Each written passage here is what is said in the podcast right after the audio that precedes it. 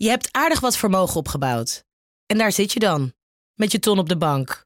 Wel een beetje saai, hè? Wil jij, als belegger, onderdeel zijn van het verleden of van de toekomst? Bridgefund is een slimme fintech die een brug slaat tussen de financiële behoeften van ondernemers en van beleggers. Dus wie belegt bij Bridgefund krijgt niet alleen een mooie vaste rente, maar brengt ook ondernemers in beweging. Echt waar! Met die ton kan je zoveel betere dingen doen. Bridgefund.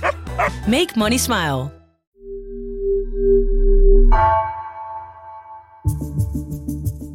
Vanaf de redactie van NRC het verhaal van vandaag.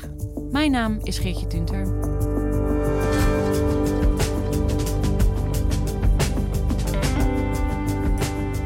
De jeugd GGZ barst uit zijn voegen. Vooral kinderen met complexe psychische klachten belanden op lange wachtlijsten.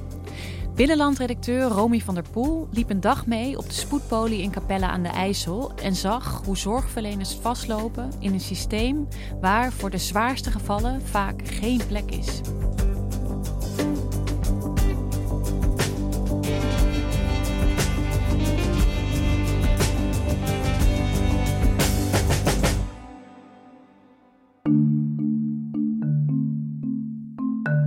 Ja, goeiedag. Spreek met uh, Ferry van der Starre. Nou ja, ik, uh, u stond op mijn voicemail. Ik was langs bij Ferry, Ferry van der Starre. Hij is uh, sociaal-psychiatrisch verpleegkundige bij een spoedpolie in Capelle aan de IJssel. Dus ik bel daarvoor even terug om even de aanmelding door te nemen. Ik was bij hem langs in zijn behandelkamer. Daar zat hij met zijn bureau vol notitieblokken. Jongeren die, die er echt doorheen zitten, jongeren die zeggen dat ze niet meer willen leven, die psychotisch zijn. Jongeren die uh, angsten hebben en er niet meer uitkomen. Nou ja, die komen langs bij de spoedpolie en daar krijgen ze een intake. Ik spreek met Ferry, Ferry van der Starre, spoedpolie van Joes. Ik had je mailtje ontvangen en ook gelezen. Nou ja, als je nog wil overleggen, dan kan je me bellen. Ferry die werkt voor Use, een uh, GGZ-instelling voor jongeren. Heel erg groot. Ze zitten door heel Nederland en ze helpen 30.000 jongeren per jaar. Het eerste wat bij je opkomt als je Ferry ziet is een nuchtere, praktische man met, uh, met een Haagse tongval. En Ferry wordt de hele dag uh, gebeld over kinderen met wie het niet goed gaat. En steeds vaker zegt hij nee, nee, ja, je kan niet komen, want er is gewoon geen plek. En hoe kwam jij uh, eigenlijk bij Ferry terecht? Ik werd in december heel erg vaak gebeld door GGZ-instellingen die zeiden: Het gaat niet meer, we lopen over. Het werd toen ook nieuws hè, dat uh, de spoedaanmeldingen ontzettend omhoog waren gegaan. Steeds meer kwetsbare jongeren kampen sinds de harde lockdown met ernstige depressies, acuut zelfmoordrisico of een acute eetstoornis. Hulpverleners op de crisisdienst die zien dit jaar een stijging van 30 tot 60 procent van de jongeren die kampen met zware stoornissen. En daardoor raakt het systeem verstopt. En uh, toen zeiden ze ja, bij Joes, kom anders langs, want dan kan je het zien en dan kan je ook gelijk zien wat er aan de hand is. Oké, okay, het gaat dus niet goed in de jeugd GGZ. En daarom ben jij dus met Ferry mee gaan kijken hoe dat er in de praktijk aan toe gaat. Hoe ziet zijn werk eruit? Uh, wat voor soort gevallen komen er bij hem voorbij? Dus ik zat uh, in het hoekje van de behandelkamer bij Ferry. Die zat een stukje verderop aan zijn bureau. En uh, toen ging zijn telefoon voor de eerste keer. Een huisarts. Uh, die belde over een, een, een jongetje mm -hmm. die autistisch was en door corona heel erg van streek was geraakt. Eigenlijk lees ik in het verhaal al dat het een autistisch jongetje is. Heel gevoelig voor prikkels, kan niet tegen veranderingen. Heftige reacties op de lockdown. En is gaandeweg somber geraakt. En hij uit zich depressief, verdrietig, hij is wanhopig en hij uit gedachten om zichzelf van het leven te beroven. Dus dat betekent dat het met het jongetje op dat moment echt niet goed ging? Nee, het ging echt, uh, het ging echt niet goed. Nou, we gaan het volgende afspreken, dat is mijn voorstel. Wij gaan dit jongetje zien in de spoedpolie. Dus hij uh, regelde een intakeplek voor het jongetje. Binnen vijf werkdagen moeten kinderen geholpen worden. Ferry vond dus een plek voor dit jongetje? Ja, hij legde zijn telefoon neer en hij zei... Uh... Oké, okay, um, die hebben we gedaan. Nou, dan hebben we gelijk ons kruid al verschoten, want we hebben geen plekken meer. Hoe bedoelt hij dat dan, wat zijn kruid is verschoten? Nou, hij wist aan het begin van de dag dat hij eigenlijk maar één plek vrij had nog. En mm -hmm. uh, dat was meteen uh, bij het eerste telefoontje raak. Dus iedereen die verder nog zou bellen die dag, die zou uh, te horen krijgen dat het vol zit. Dat komt voor een deel door corona. Veel jongeren met wie het voor corona al niet zo goed ging, raken nu uh, heel erg ontregeld en hebben dus ook zware zorg nodig. Mm dit, uh, dit, deed hem erg denken, de situatie uh, aan december. Toen liep de spoedpolie ook helemaal vol. Ja, maar toen was het wel heel erg. Toen ging het echt om tien jongeren per week die, die ik af moest wijzen. Terwijl hij ook weet dat een, een, een opname een groot verschil kan maken. Hij, hij vertelde bijvoorbeeld over een zevenjarig jongetje en die had zoveel last van tics. Die sloeg zichzelf eigenlijk de hele tijd in zijn gezicht. En dat, uh, dat gaf natuurlijk heel veel spanningen in dat gezin, want hij was daar ook niet in te corrigeren. En er werden ook grote problemen op school. Hmm. En uh, die heeft hij toch geprobeerd er tussendoor uh, in te plannen, ondanks de drukte. Dus ja, weet je, dat vind ik ook spoed. Weet je wel, een, een, een, een jongetje van zeven wat zich de hele tijd slaat in zijn gezicht, helemaal onder zit met de blauwe plekken, en dat vind ik ook spoed. En uh, met, met medicijnen kan, uh, kon het jongetje al heel snel gestabiliseerd worden, waardoor ze zijn gezin weer een, een, in ieder geval het jaar fijn kon afsluiten. En dan denk ik van ja, als die jongen nou niet geholpen was, was dat het einde van het jaar geweest, weet je wel? Voor de, en dat jongetje en voor die ouders. He, met de feestdagen, alles wat er dan. Uh, dan waren die klachten gewoon doorgegaan. En nu hadden we met medicatie eigenlijk vrij snel onder controle. Wat, wat een verdrietig verhaal, hè? Zo'n zo'n klein kind eigenlijk nog dat zichzelf dus uh, ja, dat aandoet. Ja, hij hoort hele jonge kinderen voorbij, voorbij komen, eigenlijk de hele dag door, ja. Ja, en uh, uh, nou, deze jongen kon er dus tussendoor, maar het houdt natuurlijk ook ergens gewoon op. Vol is op een gegeven moment echt vol natuurlijk. Ja, vol, vol is vol uiteindelijk, want ze hebben ook maar een beperkt team en een beperkte capaciteit. Uh, en dan zegt hij uh, um, volgens het script dat, hij dan, uh, dat er andere instellingen zijn waar ze het kunnen proberen met spoedplekken. Dat heb ik dan wel geadviseerd om die te bellen. Maar ja, daarvan weet ik natuurlijk ook dat die vol zitten. Romy, hoe kan dat nou dat deze specialistische jeugd GGZ zo vol zit? Komt dat dan door corona? Nou, corona heeft er wel iets mee te maken. De vraag naar zware zorg is toegenomen. Mm -hmm. En dat komt omdat er veel kinderen zijn met wie het eigenlijk voor de pandemie al niet zo goed ging. Uh, en die nu helemaal ontregelen. Eigenlijk is het, is het een druppel, want voor corona was er ook al van alles mis. En wat, wat was er dan mis in de GGZ? Voor de zware GGZ begon dat rondom de decentralisatie van de jeugdhulp. Dat was in 2015. Ja. En toen werd dus de jeugdhulp overgeheveld van het Rijk naar gemeenten. Gemeenten werden vanaf toen uh, ja, verantwoordelijk voor die hulp. En het idee was dat de zorg dan laagdrempeliger zou worden.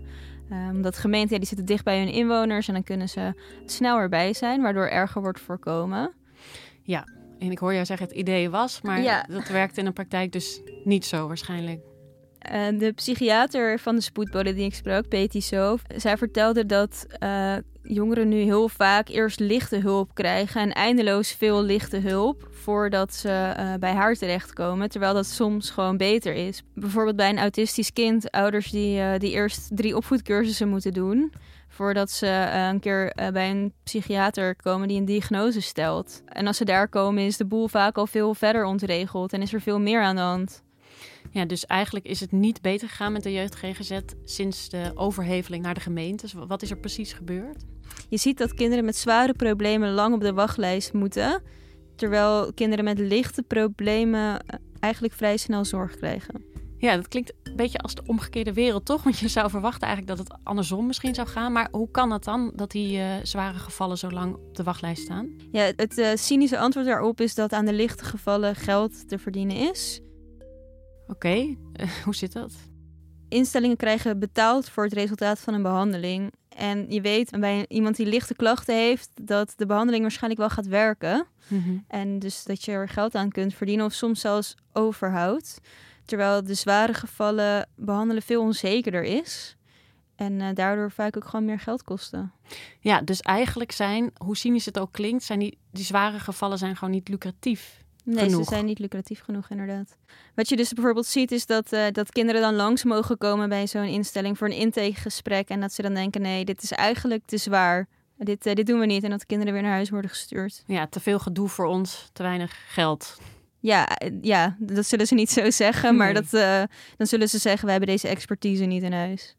Ja, en dus die marktwerking in de jeugdzorg heeft er dus eigenlijk ja, toegeleid dat complexere gevallen langer op hulp moeten wachten. Dat is natuurlijk een enorme perverse prikkel. Nee, dat, dat is het. Uh, je ziet uh, dus dat er voor deze kinderen met echt zware problemen gewoon steeds minder plekken zijn. Dat schreef de inspectie Gezondheid en Jeugd vorige week nog. Er zijn gewoon niet genoeg plekken voor kinderen in de grootste nood. En he, de verantwoordelijkheid voor de, voor de jeugd GGZ die ligt nu dus bij de gemeentes. Dat had je eerder al verteld. In hoeverre heeft dat nou nog invloed op de zorg? Nou, dat heeft invloed, want toen dit naar de gemeente ging, moest er ook fix bezuinigd worden.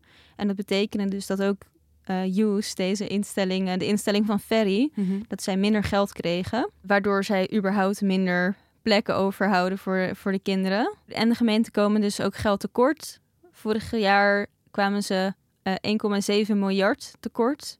Dus er is ook gewoon geen geld. Dus die decentralisatie moest eigenlijk de jeugdhulp goedkoper maken. Maar inmiddels wordt duidelijk dat het alleen maar duurder is geworden. En de vraag naar zorg is toegenomen met 16% de afgelopen jaren. Kinderen zitten langer in zorg en ze zijn duurder geworden.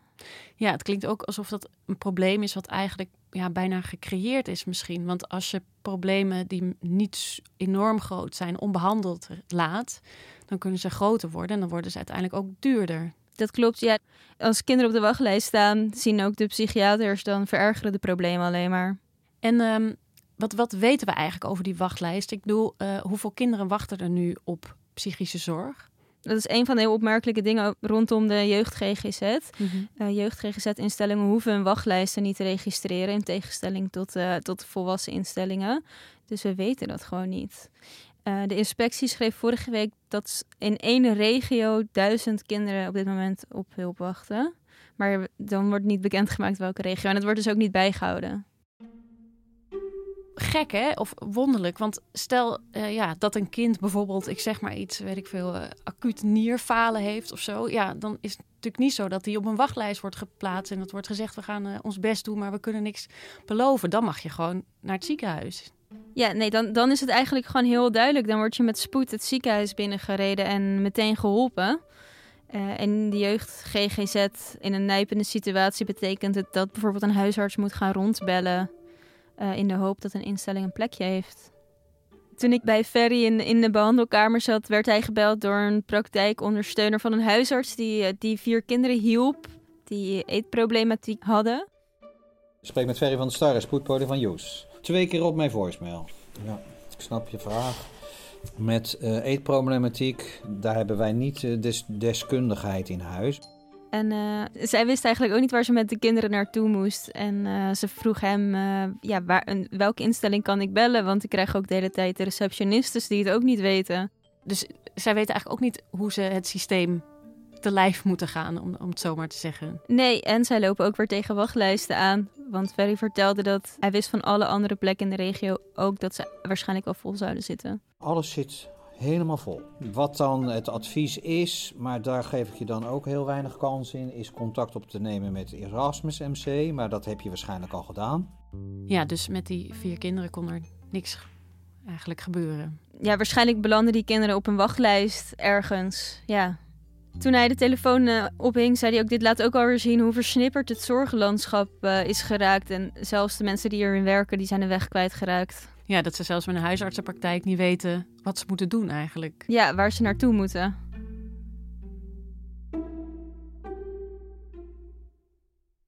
Ja, er is dus een enorm probleem met lange wachtlijsten, met kinderen die niet behandeld kunnen worden. Um, maar wat gebeurt er eigenlijk met de kinderen die er wel doorheen komen? Uh, krijgen zij wel de juiste behandeling? Nou, de kinderen die dus uh, bij, op de spoedpolie uh, terechtkomen, die, die hebben geluk. Die worden daar zes weken geholpen. Oké, dus na die zes weken hè, zijn ze uh, hopelijk iets beter aan toe. Wat gebeurt er daarna met die kinderen? Dan uh, is het idee dat ze uh, in een ander zorgprogramma worden behandeld. En dus weggaan bij de spoedpolie. Mm -hmm. Dat is de taak van Ferry ook, om die zorg te regelen. Elke donderdagmiddag schrijft hij aan bij de zorgbemiddelingstafel. Dat is een plek waar alle, alle zorgverleners uit de regio, regio Rijnmond, bij elkaar zitten. En uh, daar vertelt Ferry over de kinderen die zorg nodig hebben. Bewapend met hun dossiers en de plannen van een behandelaar. En dan hoopt hij dat een van de anderen aan de tafel zegt: Oké, okay, uh, wij hebben hier plek voor Die, die we doen neem het. ik. Ja, we doen het. En, eh, en heel vaak is dat er niet. Klinkt eigenlijk bijna als een onhoudbare situatie hè, voor Ferry. En eh, ja, ook voor het systeem, voor zijn collega's. Eh, wordt hier politiek nou iets aan gedaan? Het is al veel langer bekend en het speelt al veel langer. En ook al eigenlijk sinds de decentralisatie wordt gezegd: dit werkt niet. Eh, wat moeten we doen? Dit najaar, of deze winter eigenlijk, is het heel hoog opgelopen. Vooral in de spoedzorg, omdat die spoedzorg begon te overstromen. Alle belangenverenigingen hebben eindeloos aan de bel getrokken. En er zijn eh, gesprekken gekomen met het ministerie van Volksgezondheid. Die heeft toen vervolgens gezegd dat er 300 miljoen euro extra komt per jaar. eh, om eh, in ieder geval de grootste geldproblemen op te lossen. Oké. Eerder bleek dat de gemeente per jaar 1,7 miljard structureel tekort komen voor de jeugdhulp. Dus de instelling... Niet genoeg. Nee, het is de gemeente die zeggen, ja, dat, dat, daar gaan we het niet mee redden. Het ministerie vindt dat het systeem ook anders geregeld moet worden. Eh, dat het geld gewoon niet goed wordt verdeeld. Gemeenten zeggen, ja, dat weten we. Alleen het loopt nu zo over. Help, we moeten in ieder geval nu eh, even de ergste spoed weg kunnen werken. En dan gaan we ook al naar dat systeem kijken. Maar ze zijn daar gewoon niet over uitgekomen. Nee, dus dat komt allemaal nog. En wat mij nou opgevallen is, hè, of misschien heb ik het gemist, maar het is ook niet echt een heel enorm groot verkiezingsthema geweest. Terwijl die problemen heel erg nijpend zijn. Ja, de GGZ in zijn algemeen werd je wel genoemd. Mhm. Maar eh, nee, de jeugdzorg. Het, het is een beetje een groep die ook makkelijk vergeten wordt, omdat het over hele kwetsbare kinderen gaat. En volwassenen natuurlijk ook, die het niet per se voor zichzelf kunnen opnemen. Dus er gebeurt ook gewoon heel veel in stilte. Ja, en je zei net, er komt dus geld aan. Al zeggen de gemeentes, dit is te weinig. Zoals het er nu uitziet, hè, krijgen we nog een kabinet eh, Rutte. Eh, maar de eh, decentralisatie van de GGZ is natuurlijk ook bedacht eh, tijdens een kabinet Rutte. Denk je dat er iets gaat veranderen de komende periode? Ja, ik, ik, ik weet het niet, want er wordt al zo lang gesproken over deze problemen. En volgens mij is het in Den Haag ook wel duidelijk dat dit speelt. Maar vooralsnog, nou, vorige week liep het nog in ieder geval nog over. Oké, dus dat wordt nou ja, afwachten de komende tijd. En als het gaat om Ferry en ook dus om zijn collega's, gaat hij dat volhouden? Want hij krijgt nogal wat op zijn bord als ik dat zo van jou hoor. Ja, ja, ik vroeg hem dat ook en hij vond het helemaal niet per se een logische vraag. Want hij ziet wel ook heel erg wat, er, wat hij wel kan doen. En dat, eh, dat is kinderen helpen die eh, echt ontzettend misschien wel op het dieptepunt van hun leven zitten. En hij kan toch eh, helpen om ze binnen zes weken weer een plan te geven. Dankjewel, Romy. Graag gedaan. Je luisterde naar Vandaag, een podcast van NRC. Eén verhaal elke dag. Deze aflevering werd gemaakt door Tessa Kolen, Henk Ruigrok van der Werven en Jeroen Jaspers. Plaatsvervangend chef van de audioredactie is Ido Havinga. Dit was vandaag, morgen weer.